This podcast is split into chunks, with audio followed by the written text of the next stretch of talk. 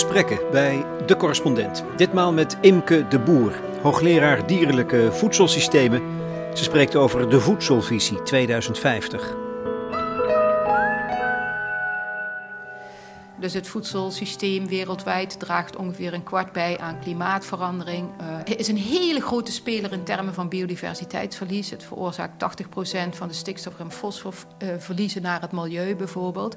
En willen we dat veranderen, dan, ja, dan zijn we nu wel aan zet. Ik heb wel het gevoel dat we nu niet kunnen zeggen, nou we wachten nog even, want het komt wel goed. Willen we echt een gezonde aarde overdragen aan onze toekomstige generaties, dan, dan zijn we nu echt wel aan zet om iets te veranderen. Dus ik zou wel willen stellen, het moet. En, en vandaag nog? vandaag, liefst, ja, vandaag beginnen. Ja. Ook ieder, ieder individueel persoon. Door gewoon te zeggen van, Ga eens iets meer plantaardig eten. Probeer eens iets meer uit het seizoen te eten. Kijk eens waar je lokale producten kunt kopen. Probeer zo min mogelijk voedsel weg te gooien. Dus denk na hoe je boodschappen doet. En als je een keer allerlei restjes in je koelkast hebt, kijk eens of je daar een lekkere soep van kan maken.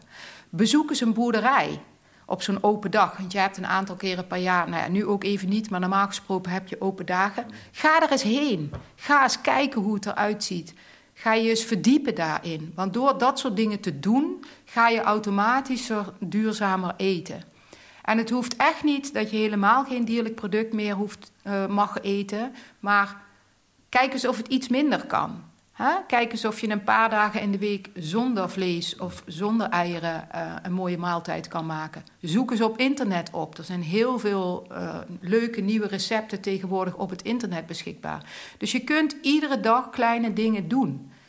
En ja, en ik denk dat als we dat met z'n allen gaan doen, en aan de andere kant natuurlijk ook uh, willen we boeren uitdagen, maar ook inderdaad zulke grote spelers als Unilever, Friesland, Campina, van wat kan jij doen binnen jouw organisatie?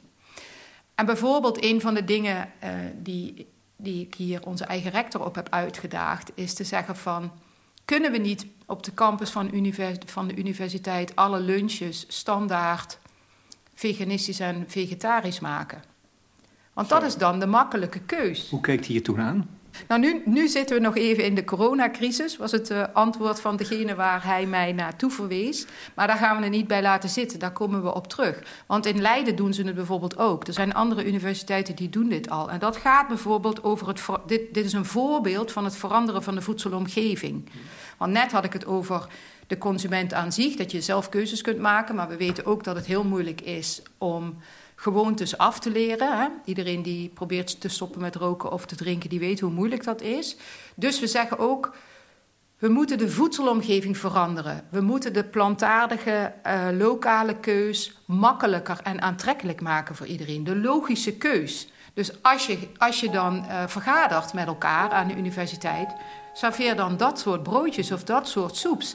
En doe dat ook zoveel mogelijk op scholen of op in andere openbare gebouwen. Maak die keuze aantrekkelijk en makkelijk voor de consument, zodat hij makkelijker in die richting gaat begeven.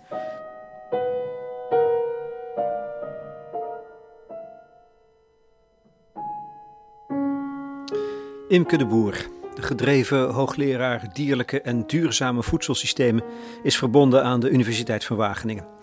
Samen met Evelien de Olde en een team van 14 betrokkenen schreef ze een alomvattend plan om het voedselsysteem in Nederland ingrijpend op de schop te nemen. Het is radicaal en inspirerend. Het geeft Nederland een ander gezicht en draagt ook nog eens bij aan de gezondheid van mensen en natuur. Ik zou zeggen, politiek, doe er je voordeel mee. In Amerika weten ze dit plan, Voedselvisie 2050, alvast te waarderen. Het team van de boer won een prestigieuze prijsvraag van de Rockefeller Foundation. Groot 200.000 dollar. Uh, wat betekent dat, die prijs, voor haar? Ja, dat is eigenlijk een erkenning voor het systeemdenken. Dus het echt nadenken over hoe je een voedselsysteem radicaal moet veranderen. Zij hebben die prijsvragen uitgeschreven. Daar hebben meer dan 1300 mensen wereldwijd op uh, een, een, voorstel ingediend, zeg maar. En wij zijn bij de tien prijswinnaars geëindigd. En de enige in Europa. Dus het laat eigenlijk zien ja, dat we. Een, en, en ze hebben ook gezegd dat de reden waarom wij die prijs hebben gekregen. is dat we zo'n holistische visie op die verandering hebben geschreven. En dat is ook waar ik me in mijn werk mee bezig hou. Van uh, hoe kun je een voedselsysteem verduurzamen. En dan ook specifiek van wat is de rol van het dier daarin. Maar om daarover na te denken moet je echt dat hele systeem begrijpen. En dat hebben we hier uh, kunnen laten zien. Maar het is dus wel degelijk uniek hè, wat jullie hier bedacht hebben in Wageningen. Dat, moet je, dat is geen kattenpis. Nee, dat, dat denk ik dat dat zo is. En ik denk dat wat deze visie toevoegt aan wat er allemaal al ligt, is inderdaad dat meer holistische beeld. Dus op die manier is het zeker uniek. Dus het gaat niet alleen over het produceren van voedsel, maar ook over het anders consumeren van voedsel. En, maar ook over economische uh, incentives die je zou moeten geven, of wat je nodig hebt aan beleid. Of ja, alle elementen van het voedselsysteem hebben we er eigenlijk in verwerkt. Dus. Het moet ja. veranderen? Ja. En kan het ook? Nou, wij denken dat het kan. En dat hebben we laten zien doordat we de voedselvisie samen hebben gemaakt met mensen die met de voeten in de aarde staan. Dus samen met bijvoorbeeld boeren die al dingen doen die wij in onze voedselvisie uitleggen. Dat was ook een van de criteria van de Rockefeller Foundation. Laat zien, schrijf een inspirerende visie voor de toekomst, maar laat ook zien dat het kan. En daarom hebben we ook die verbinding gezocht met mensen in de praktijk die dingen al doen. En als je kijkt wat er in Nederland gebeurt, dan gebeurt er ook al een hele hoop van wat wij in de voedselvisie hebben opgeschreven. En eigenlijk willen we die visie gebruiken als een soort van nieuwe stip op de horizon. Van waar moeten we met z'n allen naartoe? En wat we nu proberen te doen, is al die mensen te verbinden die eigenlijk al dingen doen, die passen bij deze visie. En daarmee hopelijk anderen te inspireren en met anderen te praten van nou, hoe kan jij het eventueel anders doen, zodat je langzamerhand zeg maar uh, ja, meer en meer mensen gaat krijgen die richting die visie gaan bewegen. Dus echt vanaf onderop die transitie vormgeven. Dat is eigenlijk ook wat we nu gaan doen, of waar we nu mee bezig zijn. Nou, een van de mensen zag ik in jullie uh, plan is uh, Annette Harbrink ja. van Keizerschrande. Die boert in de uiterwaarden bedevende. Vond ik een van de vrolijkste ontmoetingen die ik gehad heb de laatste jaren. Weet je dat? Ja, dat is ook een heel inspirerend iemand. En het is ook iemand die gewoon zelf is gaan nadenken van hoe kan ik het anders doen zelf. En zij heeft inderdaad meegedacht met deze visie. En een van de dingen die zij bijvoorbeeld doet, is dat zij uh, laat haar koeien grazen langs de IJssel, want daar ligt haar boerderij. En daarmee houdt ze het gras heel kort, zodat als er hoog water is, het water makkelijk in de uiterwaarden kan lopen. En het mooie is, zij worden door de provincie ook betaald voor die dienst. Die ecosysteemdienst noem je dat dan in moeilijke termen.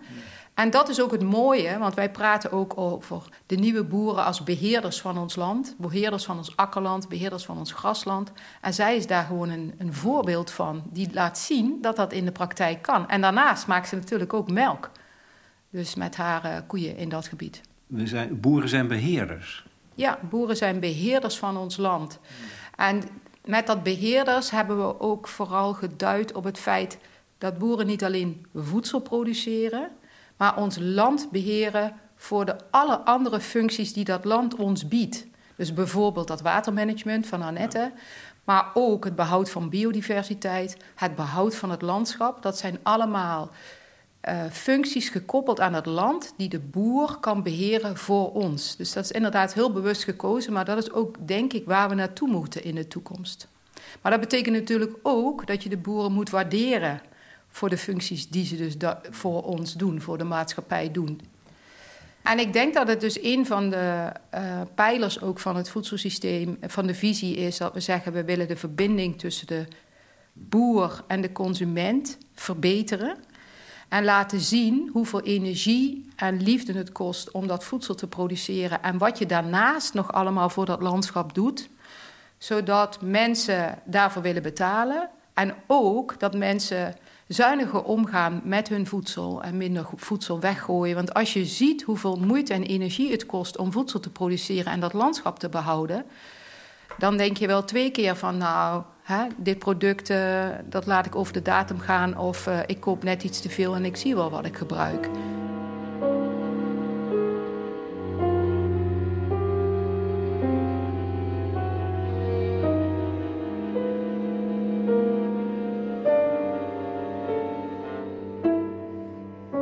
Het is heel gedetailleerd en heel gelaagd ook en heel complex. Want nogmaals, alles moet op de schop.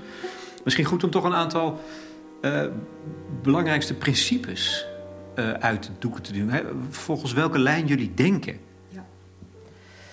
We zijn eigenlijk begonnen vanuit de gedachte je moet leven binnen de draagkracht van de aarde. Dus je moet ook voedsel produceren en, en consumeren binnen de draagkracht van de planeet. Dus dat betekent dat je niet langer kunt produceren wat wij willen eten, maar dat we eigenlijk moeten gaan eten wat de aarde ons kan bieden. Dat is een belangrijk uitgangspunt geweest. En een tweede belangrijke, en dat de eerste belangrijke uitgangspunt noemen we eigenlijk het ecologische plafond. Hè? Dus er zit een soort van buitenrand aan waarbinnen we moeten blijven. En een tweede belangrijk uitgangspunt noemen we het sociale fundament. Dat is een soort van binnenring. Je moet minimaal zo voedsel produceren dat je het aan het sociale fundament voldoet. En daar komen thema's aan bod als een eerlijk inkomen voor de boer, maar ook veilige werkomstandigheden. Er is ook veel discussie geweest in coronatijd over corona en mensen in slachthuizen bijvoorbeeld, omdat hun uh, werk- of leefomstandigheden niet op orde zijn. Maar ook een goed dierenwelzijn. Dus als je ervoor kiest om dieren te houden voor het produceren van je voedsel, dan moet je er ook voor zorgen dat het welzijn van die dieren op orde is. Dus dat vormt een soort van binnenring. Dus je hebt een buitenring en een binnenring. En daartussen is dan wat wij noemen de veilige en eerlijke handelingsruimte voor voedselproductie. En het de economie die we, waar we met z'n allen voor zouden moeten kiezen, zou een economie moeten zijn die ons laat bewegen naar die veilige en eerlijke handelingsruimte van het voedselsysteem. Dus een economie. Nou, dat betekent dat uh, eigenlijk onze economische gedachten het behoud van ons natuurlijk kapitaal zouden moeten waarderen, maar ook moeten erkennen dat het geld kost wanneer je voedsel produceert met respect voor het dier en met respect voor de mensen die daar werken. Ja, in andere termen, in consumententermen, we zouden allemaal meer moeten gaan betalen voor wat we eten. Dat is de uiteindelijke consequentie, toch? En dat, en dat ook waarderen en weten waarom. Precies. Ik denk inderdaad dat uh, we geven nu ongeveer, ongeveer 10% van ons inkomen uit aan voedsel. En dat is best wel laag als je ziet dat voedsel eigenlijk de basis is van ons bestaan ja, dat, dat voedsel wordt waarschijnlijk iets duurder. Alhoewel het ook weer niet ontzettend veel duurder hoeft te zijn. Want... hoeveel, hoeveel dan? Kan je dat schatten? Nou, één, dat kan ik niet precies schatten, maar ik kan wel een voorbeeld geven waarin je iets kunt zien. Uh, een van de um, boeren die ook mee hebben gedaan aan het ontwikkelen van de voedselvisie uh, zijn de Herenboeren Nederland, Stichting Herenboeren Nederland. En de Stichting Herenboeren Nederland, dat is eigenlijk, die, die doen het volgende. Die ze gaan op zoek naar 200 families. Die 200 families leggen allemaal 2000 euro in. Daarmee starten ze een boerderij. Ze huren een boer in. Ze gaan in gesprek met elkaar en met die boer. En die boer gaat vervolgens produceren wat zij willen en op de manier zoals zij dat willen. Specifiek gericht op die 200 families en niet meer? Nee, is specifiek gericht op die 200 families. Dus met 20 hectare kun je ongeveer 60% van het voedsel produceren voor die 200 families. En die hebben dan ongeveer 500 monden met 2, eh, zoveel mensen per familie. En het interessante daarin is, is dat die herenboerderij bijvoorbeeld in Bokstel, daar is het begonnen, laat zien dat je onder de kostprijs van biologisch kunt produceren voor die consumenten, terwijl je toch op een biologische eh, manier dat voedsel produceert. Dus het kan wel degelijk op een manier die doable is, die op een, ja, met een kostprijs die haalbaar is, zeg maar. Dus het kan wel degelijk voor een eerlijke prijs en het hoeft echt niet heel veel meer te kosten, maar het zal wel iets meer kosten dan dat, dat het nu doet. En de crux waar je nu aan raakt, Imke de Boer, is natuurlijk ook dat, de, de, dat het voedselsysteem niet langer door de economie wordt aangedreven, maar dat het ingebed is in de natuur.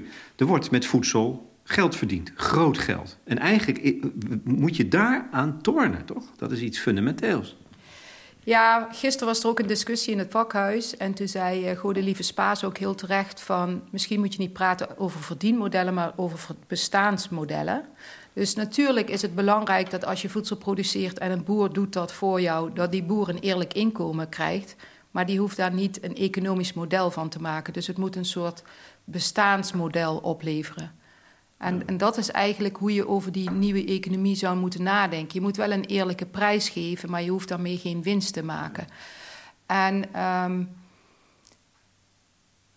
dat is ook wel een beetje de gedachte. Ehm, maar nu ga ik me begeven op economie. En economie is natuurlijk niet echt mijn terrein. Maar we hebben de, die, die, uh, dat, die, dat uitgangspunt gebaseerd op de donut economy van Kate Raworth.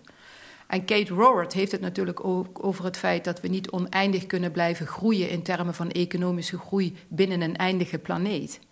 Dus we moeten echt op zoek naar een eerlijke prijs en bestaansmodellen, maar niet zozeer naar per se heel veel geld verdienen met een bepaalde sector. Jij woont onder de rook van de Universiteit van mhm. Wageningen. Als ik eh, op weg hier naartoe kwam ik langs Friesland, Friesland Campina. Dat is een groot bedrijf op het universiteitsterrein gevestigd. Unilever zit hier. Dat zijn machten die bestaan bij de gratie van geld verdienen aan voedselproductie. Dus hoe, zie jij dat dan? Nou, een van de dingen die we. Dit is een hele moeilijke vraag, hè? Maar een van de dingen die we hebben benoemd in de voedselvisie is het installeren van een voedseldemocratie. En dat betekent dat bijvoorbeeld dat soort grote organisaties niet, maar, niet alleen verantwoording af hoeven leggen aan hun aandeelhouders, maar dat ze verantwoording moeten gaan afleggen aan een groep mensen, burgers. Dus dat er naast de aandeelhouders een soort van burgerraad komt, waaraan zij verantwoording moeten gaan afleggen. Dus eigenlijk verantwoording moeten gaan afleggen aan de maatschappij. Om te komen tot een verandering uh, ja, van hun investeringen en echt met als doel dat ook hun organisaties, want, want natuurlijk het verwerken van melk tot yoghurt, uh, kaas, dat zijn, dat zijn belangrijke processen. En ik zou ook niet inzien waarom je dat niet zou willen doen. En Unilever kan ook heel, heel interessante en, goede producten voor de mens maken. Maar dat moet wel met als doel hebben om gezond en veilig en vers voedsel voor iedereen te maken. En door zoiets te installeren als voedseldemocratie of voedselburgerraden in zo'n organisatie, zou je zo'n organisatie. Uh, ja, misschien net iets anders kunnen laten bewegen.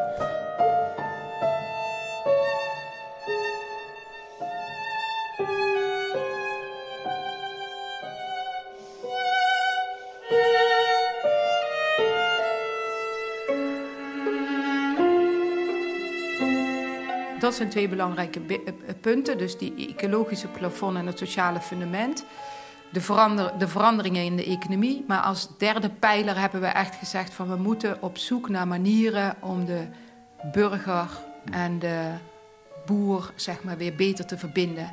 En dat kan ook op allerlei manieren. Uh, dat moet in het onderwijs, maar dat kan ook door activiteiten te organiseren met topkoks. Ik had gisteren een gesprek met Rudolf Brandt van Circle in Amsterdam. Van zou het niet mooi zijn om daar, als alles weer open is, een event te organiseren om nou eens over deze voedselvisie te praten met een hele grote groep burgers, maar ook met boeren en, en, en elkaar en eens luisteren naar elkaars gesprek. En ook eens luisteren van hoe moeilijk het is om, om goed voedsel en veilig voedsel te produceren. En ook eens te luisteren naar wat van afwegingen consumenten maken. En met elkaar in gesprek te gaan om dit gewoon beter te begrijpen. Om beter te begrijpen waarom de transitie nodig is. Maar ook om beter te begrijpen dat als jij als burger kiest iedere dag met welke producten je koopt, dat je een stem hebt in die transitie. En dan vooral de verbinding, hè? dus niet gaan polariseren. Want we hebben absoluut niet als doel om met een vingertje te gaan wijzen uh, in deze transitie. We laten zien, uh, het is iedereen's verantwoordelijkheid geweest dat we zijn waar we nu zijn. En iedereen is ook onderdeel van de oplossing. Iedereen kan daaraan bijdragen. Ik als wetenschapper, maar ook als consument. En ieder in zijn eigen rol kan bijdragen aan de verbetering van die wereld.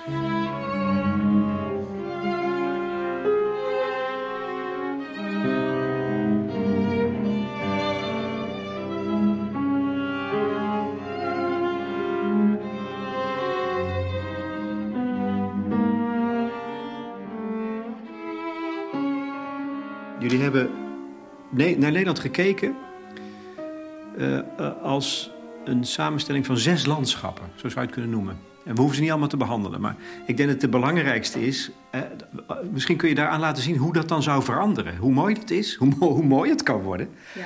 als je het landschap anders inricht en anders benut. In één categorie, ehm, niet geheel onverwachts, dat zijn natuurlijk gewoon, dat is de landbouw de genoemd nu beheerders van onze akkerlanden. En het voorbeeld is Flevoland.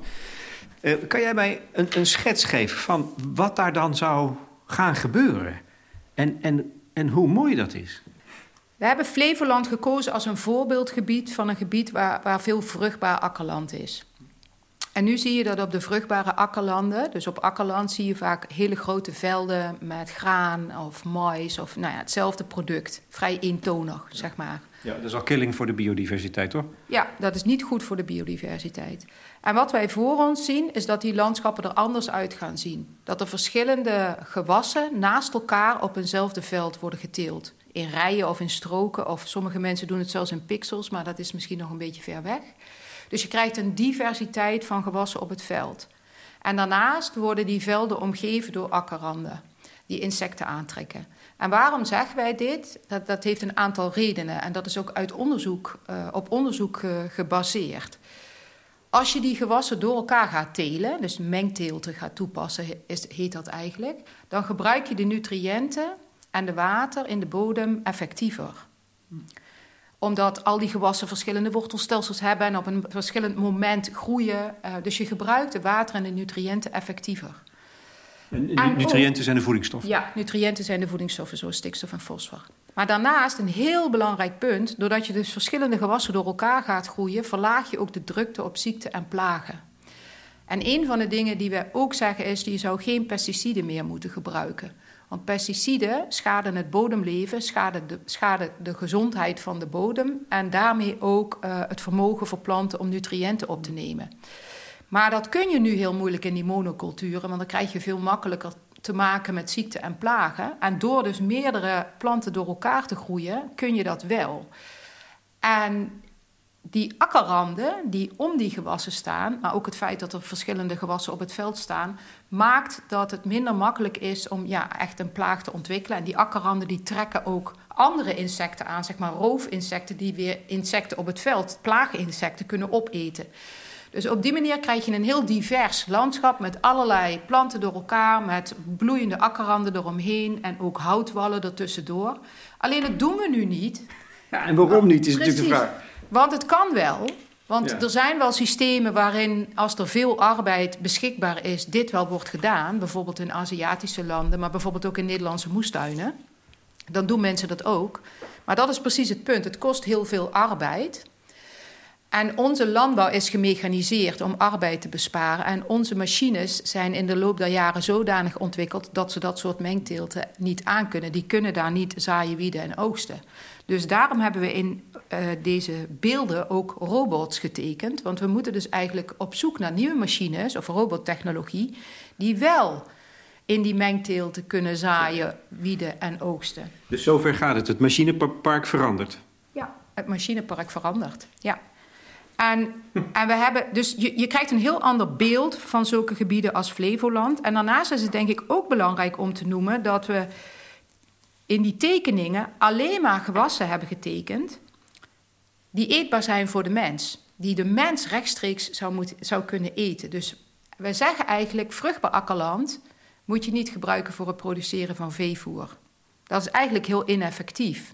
Want als je granen gaat telen, ook al zitten die in een rotatie en je geeft die, die granen aan dieren, dan zetten die, die dat ineffectief om. Want die verliezen een deel van de warmte. Ja, tijdens het omzettingsproces verlies je warmte. En dus het is gewoon een ineffectief omzettingsproces, laat ik het zo zeggen. En nu gebruiken we wereldwijd 40% van ons akkerland voor het produceren van veevoer. Ook in Nederland doen we dat trouwens. En dat is niet, niet effectief. Dus op die landen hebben we alleen maar producten geteeld, zoals aardappels, uien. Uh, spelt, uh, lupine, haver. Nou, alle, allerlei van dat soort producten. Uh, maar misschien ook quinoa in de toekomst, die de mens rechtstreeks zou kunnen eten. Ook in een ruime vruchtwisseling. Dus ja, het wordt een heel gevarieerd beeld. De tegenstander hier is de vleesproductie. Toch? We eten allemaal, de, zowel de industrie als de mens die vlees wil eten. Ja. Dus dat is het, dat is, dat, dat kan, dit kan alleen rendabel worden als we wij als vleeseters daarmee gaan ophouden? Ja, ophouden is misschien niet per se nodig, maar het is precies als dat ik helemaal in het begin zei: van we kunnen niet langer produceren wat we willen eten, namelijk best wel veel vlees. En dierlijke producten, andere dierlijke producten. Maar we moeten gaan consumeren wat de aarde ons te bieden heeft. En dit betekent meer plantaardig eten dan dat we nu doen. Ja. Maar het is denk ik nog wel belangrijk om te zeggen dat we zien nog wel een rol voor de veehouderij in zo'n circulair voedselsysteem. Want als je namelijk plantaardige producten produceert, hè, als je graan produceert, dan produceer je ook stro. Kunnen wij als mens niet opeten. Als je bloem maakt of een brood maakt, krijg je bijvoorbeeld ook, als je gewoon een brood van 500 gram maakt, dan produceer je ook maalderijproducten, dus een en wat voermeel. Dat soort bijproducten die ontstaan tijdens de productie van ons voedsel. En die kun je heel goed teruggeven aan bijvoorbeeld kippen of varkens. Alleen dat betekent dat de omvang van de veestapel ook bepaald wordt door de hoeveelheid reststromen die je beschikbaar hebt vanuit die plantaardige productie, want dat is de drijfveer, en de hoeveelheid grasland die je wilt gebruiken voor het voedselsysteem. Want gras kunnen we ook niet automatisch omzetten op dit moment in voedsel. Dus een dierlijk, dierlijk product kan in ons, uh, ja, wat ons betreft, nog wel degelijk een deel van de oplossing zijn, maar wel minder. En we hebben grofweg in het onderzoek, maar dat zijn eigenlijk nog wel soort van eerste schattingen laten zien dat je ongeveer een derde van je eiwit uit dierlijk product kunt eten en twee derde uit plantaardig product. Ja, lekker hoor. Ja, en, en, precies lekker hoor. Dus als we dan die, die dierlijke producten eten, produceer, dan eten we dus minder. Produceer dat dan ook met respect voor het dier. Dus zorg dat het dierenwelzijn op orde is.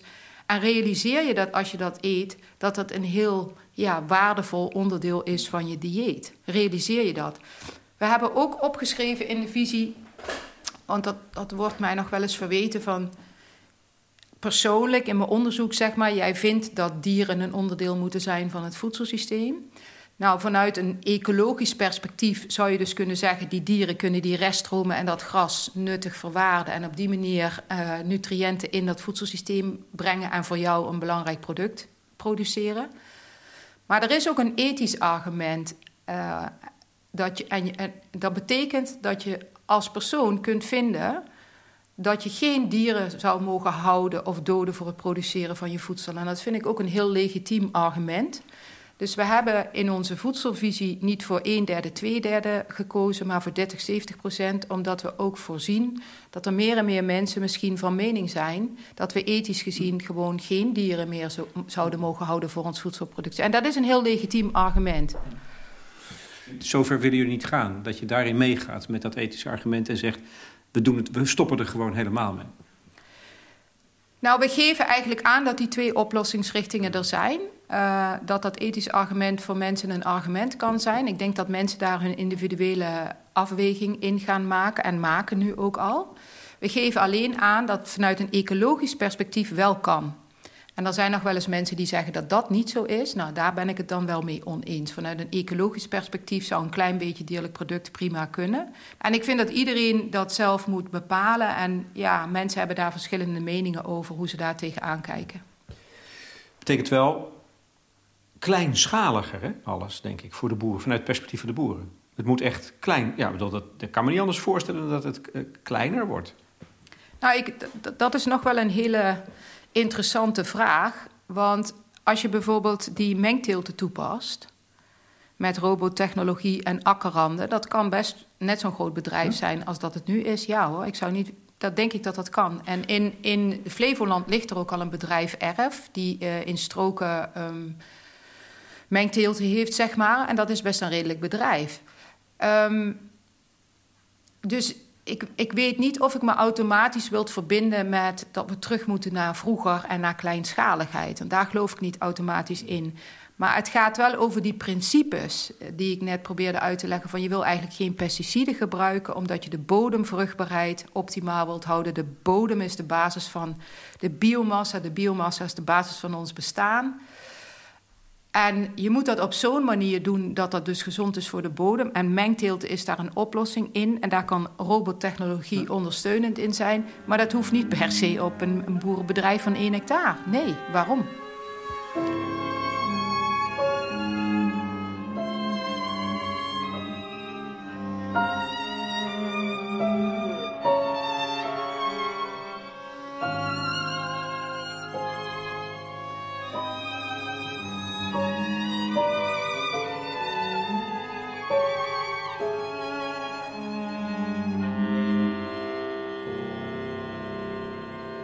Klinkt puik allemaal.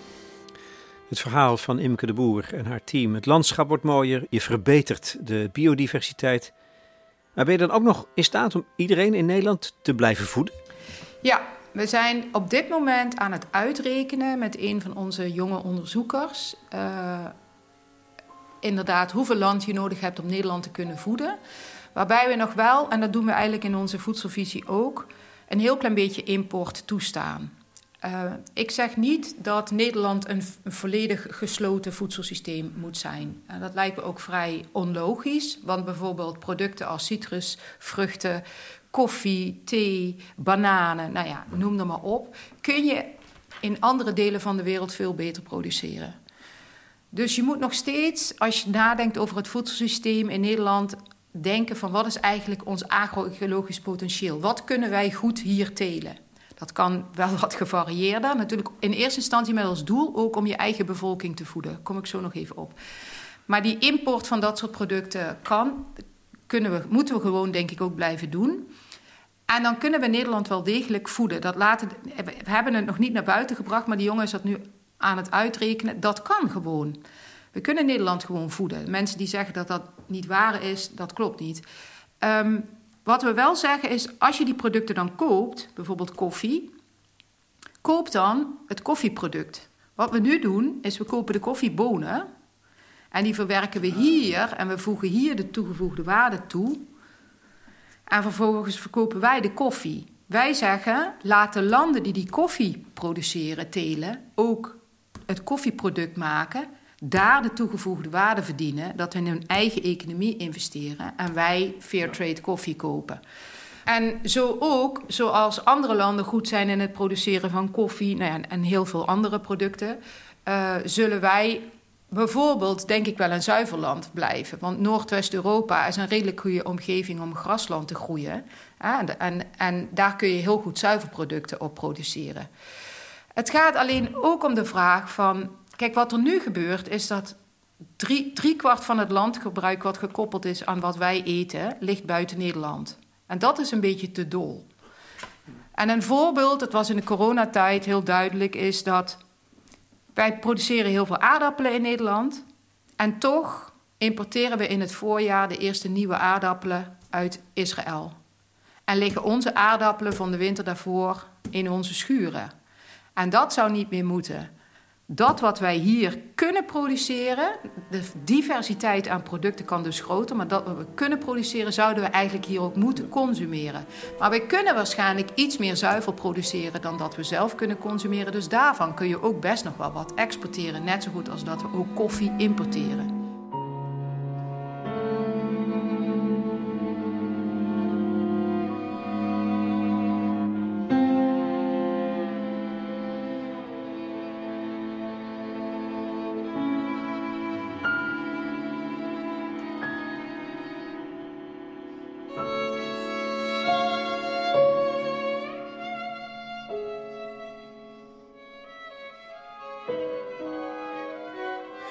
Nou, we hebben uh, uh, multifunctionele beschermde marinegebieden. Daar gaan we de zee op. Het Nederlands kustgebied, de rivieren, maar ja, uh, zeer prikkelend, de steden en hun achterland, zo noem je dat. Ja. Want hoe werkt het daar dan? Ja. In feite heb je een aantal dingen al genoemd, denk ik ook. Hè? Ja. Nou, de, de stad is best wel een belangrijk uh, punt. In de stad wonen natuurlijk heel veel mensen en die moeten allemaal gevoed worden. Die kunnen niet allemaal bij de boer langs. Nee, die kunnen niet allemaal bij de boer langs. Dus er komt een hele hoop voedsel de stad in. En daar zitten allemaal nutriënten in. En dat, maar dan moeten dus ook weer heel veel nutriënten de stad uit. En eigenlijk moeten die weer voor een deel terug naar dat achterland. En Flevoland zou zo'n achterland kunnen zijn voor het omliggende stedelijke gebied. Dus we zeggen de nutriënten in voedselafval en de nutriënten in onze eigen uitwerpselen zou je eigenlijk weer terug moeten brengen ik naar, zie een circulair proces van stront eigenlijk. Precies, naar het akkerland. um, want de stad heeft misschien wel... Want sommige mensen praten ook over voedselproductie in de stad. En ik denk dat je in de stad wel degelijk een beetje voedsel kunt produceren. Uh, en in bepaalde landen kan dat ook bijdragen aan voedselzekerheid. Maar de, er is gewoon te weinig ruimte in de stad om al je voedsel te produceren. Dus er zal altijd voedsel ingaan en er moeten dus ook weer nutriënten uit. Um, maar we, praten bijvoorbeeld wel over een verbinding van die stad met het omliggende achterland. En hier hebben we bijvoorbeeld het Veenweidegebied gekozen, wat uh, naast Amsterdam ligt. Van richt dat Veenweidegebied nou zo in dat mensen daar ook kunnen recreëren, dus kunnen fietsen en wandelen. En dat ze dan ook langs boerderijwinkels kopen en daar kunnen zien of iets kunnen meenemen. En het hoeft niet per se in alle producten te zijn, hè, want we hebben het ook gehad over het feit dat die supermarkt misschien een belangrijke rol blijft spelen. Maar er zijn ook nieuwe platforms hè, die direct boeren en consumenten linken met boksen, bijvoorbeeld met voedselboxen. Dus misschien blijft de supermarkt niet de belangrijkste speler in de verkoop van voedsel, maar ze zijn belangrijk. Dus, uh, maar die stad, dat is dus heel belangrijk om te erkennen dat, dat, dat daar echt heel veel voedsel in komt en dat daar dus ook weer nutriënten uit moeten. En een van die dingen die we ook noemen is: natuurlijk moet je dat voedselafval. Eerste prioriteit, zo min mogelijk voedselafval. Want als je dat kan terugdringen, ja, dat is het best voor alle aspecten van duurzaamheid. Maar als er onvermijdbaar voedselafval is, dan zou je dat dus ook weer terug kunnen geven aan dieren. En dieren daar bijvoorbeeld op kunnen laten groeien. Varkens kunnen prima eten wat wij niet willen eten. Gek hè? Net wat je vertelde over Flevoland, dacht ik, ja, dat zie ik helemaal voor me. Hier heb ik, heb ik, um, ik het is geen sepsis, maar ik, ik, kan het me niet meteen voorstellen. Want het gaat om een miljoen mensen in een stad. Of hoeveel zijn het er? Zoveel. En, en veel van de dingen die je noemt, die, zijn, die klinken eerder als kleinschalig, toch? Uh, uh, Zo'n herenboerenconcept. 200, 200 gezinnen hmm. met één boer. Ik, ik, zie het nog even niet voor me als het gaat om een stad, als Amsterdam. Nee, maar dit, dat herenboerenconcept is één concept. Dus je hebt heel veel verschillende oplossingen. Maar rondom om, in een straal van ongeveer 10 tot 12 kilometer wordt er, dacht ik, een miljoen liter melk geproduceerd rondom Amsterdam. Ja, dat weten heel veel mensen niet. en het is toch doodzonde als de Amsterdammers niet die melk zouden drinken. Ja, Door gewoon die, die melk weer terug in de stad te gaan aanbieden in de lokale supermarkten. Maar als ze dan gaan fietsen want, of gaan wandelen, want dat doen de mensen natuurlijk ook in het weekend. En je wandelt door dat gebied, denk je, hé, hey, dit is het teken van de melk dat ik koop. Daar wordt mijn melk geproduceerd. Dus je zoekt naar allerlei manieren. En herenboerderij is een, een oplossing. Want ik geloof niet in één oplossing. Ik geloof echt in de diversiteit aan oplossingen. En ik geloof ook in uh, dingen als uh, het aanbieden van vleesvervangers of het ontwikkelen daarvan om mensen meer plantaardig te laten eten. Er is niet één oplossing. Er is een hele grote diversiteit aan oplossingen. Maar ik vroeg net naar multinationale ondernemingen die voedsel produceren. En dat is nogal een machtsblok hè, waar je mee in gesprek moet op een of andere manier, omdat die mee zullen moeten. Hier zijn het dan eerder de supermarkten, denk ik, eh, die daarin mee moeten denken. Hebben jullie zelfs die economische factor van belang betrokken in de ontwikkeling van het plan? Ja, we hebben, niet, we hebben met, met 14 mensen het plan bedacht. Met in, die, met, in die groep zaten boeren, andere wetenschappers, sociale wetenschappers. Ik ben meer een natuurwetenschapper.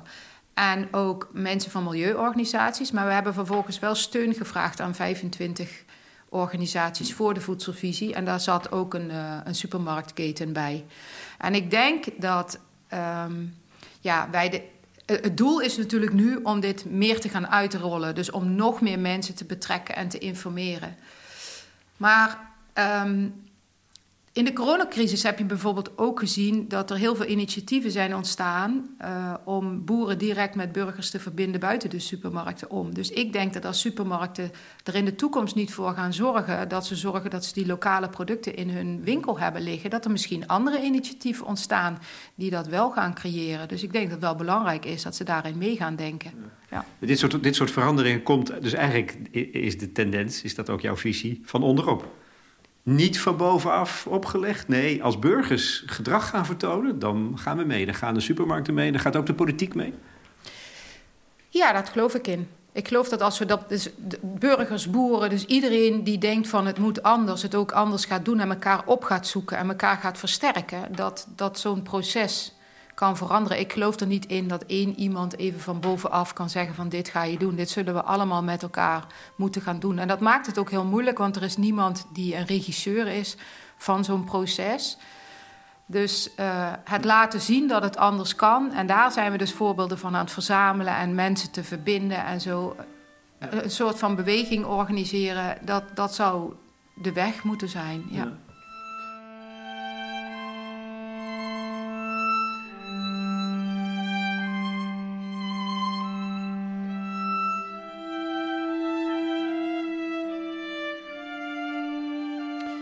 Het Wageningse team onder aanvoering van Imke de Boer heeft bij Voedselvisie 2050 ook nagedacht over de implicaties van deze grondige stelselwijziging op allerlei niveaus. En een aantal is al benoemd, technologie bijvoorbeeld en economie. Maar het heeft ook effect op het gebied van milieu, cultuur, beleid en gezondheid. Dat laatste is ook winst. Het plan leidt op de lange termijn tot een grotere gezondheid van de Nederlandse bevolking. Het is inderdaad niet alleen gezond voor de aarde, maar ook gezond voor ons. Dat aspect van gezondheid voor onszelf hebben we meegenomen. Een meer plantaardig, meer gevarieerd dieet, dieet en minder dierlijk product en minder bewerkt voedsel. En minder lege calorieën, nou, dat hebben we ook nog benoemd, is gezonder voor onszelf. Dus we hebben gezondheid wel degelijk gekoppeld hè, aan een gezonde bodem, voor een gezond voedingspatroon. Dus helemaal van de bodem. Wat, wat er in de bodem gaat, dat komt uiteindelijk ook in jou terecht. Dus echt gezondheid over al die lagen heen. Maar ja, dat moeten we leren. Want we, we, we, leven niet bepaald gezond. We eten niet echt gezond. En er, is al, er zijn al heel veel pogingen ondernemen om tot in het onderwijs om daarover te leren nadenken. Nee, en daarom hebben we die voedselomgeving zo heel duidelijk uh, um, prominent in onze visie gezet. Ook omdat de literatuur laat zien dat het inderdaad dus zelf heel moeilijk is om je gedrag te veranderen. Dus je zou veel meer moeten worden uitgedaagd of het moet makkelijker voor je worden om die gezonde, duurzame keuze te maken. dat is precies dat, die reden waarom we die voedselomgeving zo centraal in de visie hebben gezet. Um, en dan uiteindelijk politiek, ja, dat, dat, daar hebben we ook het een en ander uh, over gezegd. En, uh, Interessant in deze fase, zo in de aanloop naar de verkiezingen. Ja, en we hebben ook met Carola daarover gesproken. De minister. Met de minister. Die, ken je, die spreek je nu inmiddels aan als Carola, als, als, een, goeie, als een goede bekende. Ik moet zeggen, in dat gesprek uh, noemden we elkaar Imke en Carola. Inderdaad, misschien had ik dat iets netter moeten zeggen in dit interview. Um, nou, die, die spreek ik niet heel vaak, maar die, uh, die, is, die, had, ja, die was wel geïnteresseerd om met ons, dus niet alleen met mij, maar met iedereen van die veertien mensen, te spreken over, over die voedselvisie. En zij, vindt, en zij ondersteunt ook zo'n soort verandering. Heel veel elementen uh, ondersteunt zij zeker ook. En zij heeft ons ook gevraagd van schrijf dan eens op wat dat betekent voor de politiek. Want misschien kan ik dat meegeven aan, uh, aan, aan een nieuwe situatie. Dus daar hebben we wel over nagedacht van wat betekent dat dan voor de politiek. Maar we hebben net ook geconstateerd, het komt van onderop. Het is niet, die, die politiek is niet de regisseur die je eigenlijk nodig hebt. Nee. Dat klopt, maar er zijn wel een aantal dingen die ook de politiek kan doen. Dus we zeggen eigenlijk iedereen is onderdeel van de oplossing. Dus consumenten kunnen dingen doen, boeren kunnen dingen doen, supermarkten kunnen dingen doen. Maar de politiek kan ook dingen doen. Dus niet alles, maar heeft ook, is ook onderdeel van de oplossing. En een aantal dingen hebben we daarin benoemd. En het eerste is, stel nou eens vast wat de integrale milieugebruiksruimte, dat is een beetje een moeilijk woord, van het voedselsysteem is. Dus hoeveel land, hoeveel water mogen we voor produceren van voedsel in Nederland gebruiken en hoeveel emissies kunnen we toestaan. En dat is nu nog niet voor al die elementen goed integraal uitgedacht. Dus ga dat vaststellen. En eigenlijk moet dat op Europees niveau, maar dan ook voor Nederland. En eigenlijk moet je dan ook nog gaan kijken van waar in Nederland uh, kun je het dan precies doen. Dus maak die integrale milieugebruiksruimte duidelijk.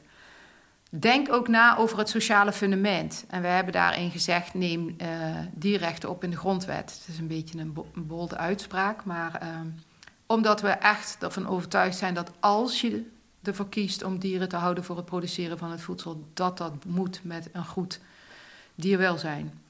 Dus stel dat ook vast. Daar kun je gewoon eisen aan stellen. Maar daarnaast hebben we ook gezegd van maak het consumeren van groente en fruit makkelijker. Dus lagere btw-tarief voor groente en fruit. Bied groente en fruit gratis aan op scholen stimuleer dat openbare gebouwen die vegetarische, veganistische keuze als default beschikbaar stellen.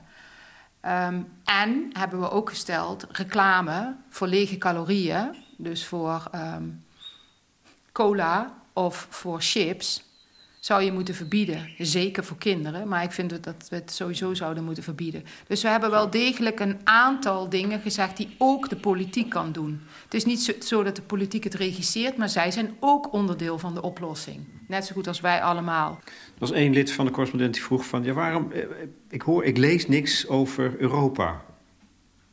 Ik vind dit al een schitterend plan over Nederland... Hij vroeg zich af, hadden jullie niet een, een, Europees plan moeten maken? Nou, dan vat ik het een beetje in mijn eigen woorden samen. Ja, Heel, hele goede vraag. De Rockefeller Foundation had ons uh, gevraagd om een plan te schrijven voor een gebied kleiner dan 100 vierkante kilometer. Dus wij hebben gekozen voor Nederland. Dus iedereen die mee heeft gedaan, heeft gekozen voor een bepaald gebied.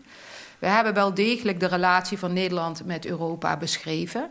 En het is inderdaad een hele goede vraag, want je zou dit eigenlijk moeten opschalen naar Europa. Ik heb ook al um, twee keer gesproken met mensen van de Europese Unie die geïnteresseerd zijn in deze ideeën en het uitwerken van die ideeën voor andere gebieden in Europa. Want omdat die andere gebieden weer agro-ecologisch er anders uitziet, kan het er net anders uitzien. Maar in heel veel van de principes zou je ook kunnen gebruiken. Dus het is een hele goede vraag. Maar de reden waarom we Nederland hebben gekozen is omdat we dus binnen die 100 vierkante kilometer moesten blijven met onze opdracht. Dat was gewoon een opdracht van de Rockefeller Foundation. En als je het zou willen opschalen, dan is de weg eerst misschien net zo goed weer lokaal denken, kleinere gebieden in Europa, en dan op een gegeven moment dat met elkaar verbinden. Ja, ik denk dat, dat je inderdaad vanuit allerlei verschillende gebieden eh, zou moeten nadenken over deze principes. En ook kijken natuurlijk vervolgens wat dat in zijn integraliteit betekent voor in- en uitvoer en dat soort dingen. Ja. Mag ik dan tot slot nog een persoonlijke vraag stellen? Ja. Heb jij een stemadvies voor ons? Ja, ik, wat, wat ik al zei, ik heb niet exact gekeken uh, welke linkse partijen um, uh, het meest uh, voldoen aan de verschillende politieke adviezen die we hebben gekregen. Bij rechts is, hoef je niet eens te kijken. begrijp ik dat nou? Nee, dat is niet wat ik zeg, maar ik denk wel dat veel linkse partijen, maar ook de ChristenUnie, GroenLinks, D66, Partij voor de Dieren, een aantal van deze elementen echt in hun programma hebben staan. Ik heb niet precies de lijst doorgescand van wie wat precies waar heeft staan. Um, ik denk dat er inderdaad ook nog wel eens door andere partijen wordt gezegd van we doen het al heel goed uh, in Nederland. En ja, dat, dat, dat, dat denk ik dat je daarover kunt discussiëren. Want er is toch, we hebben toch een behoorlijk hoge veebezetting. We hebben de hoogste ammoniakemissie per hectare van Europa. Uh, dat leidt effectief tot natuur, uh, verlies van biodiversiteit in natuurgebieden. Dat is nu ook duidelijk door de hele stikstofcrisis. Dus er is wel duidelijk iets aan de hand waar we over na moeten denken. Dus ik denk dat je niet weg kunt komen met zeggen van... we hoeven niet echt iets te veranderen of we doen het eigenlijk al heel goed. Het holistische element zie je eigenlijk in de politiek ook nog niet zo terug. Je ziet dat die, dat, uh, en, en dat komt, politiek is natuurlijk ook al in zichzelf heel complex. Dat mensen vaak kennis hebben van een bepaald domein, terwijl je daar eigenlijk ook die, ja, die overkoepelende visie nodig hebt. Uh, politiek gezien. Ja. Maar toen we met uh, de minister spraken, uh, want wij hadden in ons voorstel gezegd van, nou, we zouden eigenlijk na, naar een uh, minister van Voedsel en Gezondheid moeten. Toen zei zij, en dat vond ik wel een hele goede opmerking, van we zouden eigenlijk naar een minister van Voedsel, Gezondheid en Ruimtelijke Ordening moeten. Want dit heeft ook heel veel ruimtelijke ordeningsvragen. Dus het feit dat het, dat het integraliteit behoeft, dat wordt wel onderkend. Ook in Politiek Den Haag, in elk geval door haar in het gesprek. En ja, dat vind ik eigenlijk ook alweer een stap vooruit. Het feit dat, dat het zo complex is dat heel veel verschillende dingen daarin samenkomen. Want je kunt je hier ook afvragen van hoe zit het dan met bio-energieproductie? Moeten we biomassa nog wel voor bio-energie gebruiken? Dus de vraag is, is heel groot. En, uh, nou, en ik denk dat, dat daar meer ministeries beter met elkaar zouden kunnen samenwerken om die oplossing te zoeken. Ja. Hoe zit jij trouwens wat dat betreft, als echt het laatste?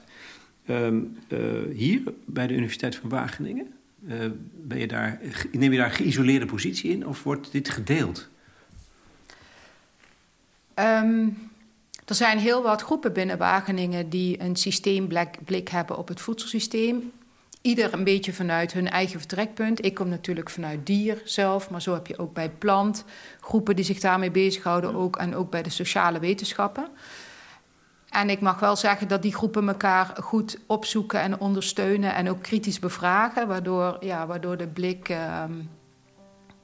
nou, ik vraag, beter vraag, wordt. Ja, ik vraag het ook omdat de universiteit, heb ik begrepen, ook nog wel eens een rol heeft gespeeld, juist in, het, in de schaalvergroting uh, in, het, in het verleden.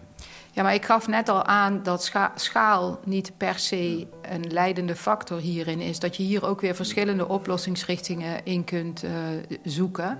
En ik denk dat, dat er heel veel mensen binnen de universiteit werken aan een van deze elementen van de visie. Er, staan, er zijn nog wel eens wat verschillen in hoe, hoe mensen denken, in hoe technologisch iets zou moeten zijn of hoe meer uh, ja, natuurgedreven iets zou moeten zijn. En zelf denk ik dat als je echt werkt vanuit de draagkracht van de aarde, de verbinding van boer en burger en een eerlijke prijs en dat soort elementen, dat er een hele grote diversiteit aan oplossingen in, in deze visie past. Uh, ik ben onder de indruk. Ik vind het echt inspirerend. Maar ook omdat ik van jou het gevoel krijg dat het haalbaar is. Snap je? Dat is, is... En daar wordt het leuker van. Dus dank je wel. Ja, nou heel graag gedaan. En uh, ik geloof er ook zelf in en ik wil me er ook echt voor inzetten om uh, hier een stapje in bij te dragen. Dank je wel.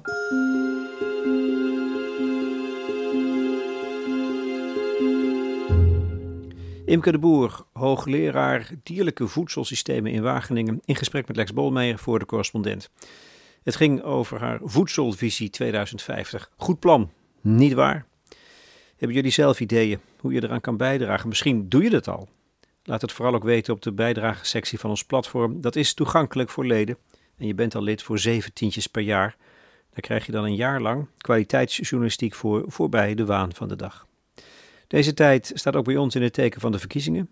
Zo hebben we een podcast die je bijpraat over de politiek die er echt toe doet, maar dan zonder flauwekul en akkefietjes en peilingen en zo. Stemmen. Zeer de moeite. De muziek die ik gebruikte komt uit de soundtrack van een van de allermooiste films over eten, Babette's Feest, en is van Per Neurgoort. Hij stelde een suite samen.